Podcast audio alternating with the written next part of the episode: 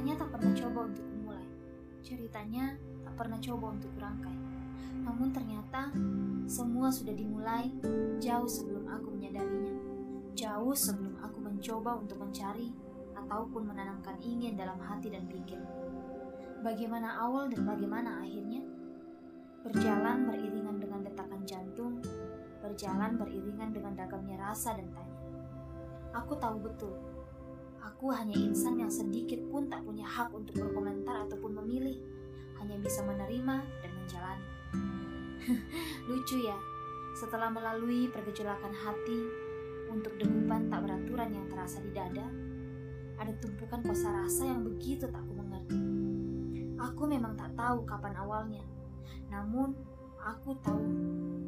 Namun aku tahu langkah demi langkah yang teraih, akulah pemeran utamanya harap, harapan. Aku terlalu merajakan harap, berharap dengan penuh keyakinan.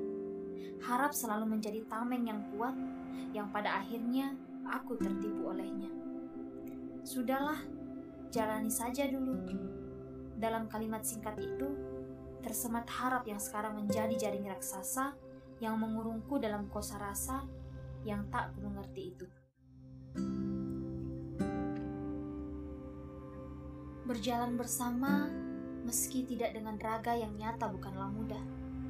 Namun, berbagi kabar dengan lantunan kata per kata lewat layar canggih dalam genggaman mampu memberi kuat untuk tetap percaya dan bertahan.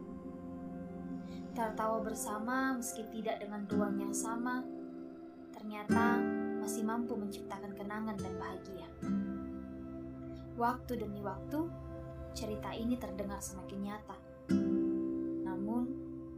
Aku masih saja tak mengerti. Cerita ini tak berjudul. Cerita ini belum berhasil mencipta sampul yang indah. Kita berdua apa? Kita berdua mau ke mana? Kita sama-sama tak tahu itu.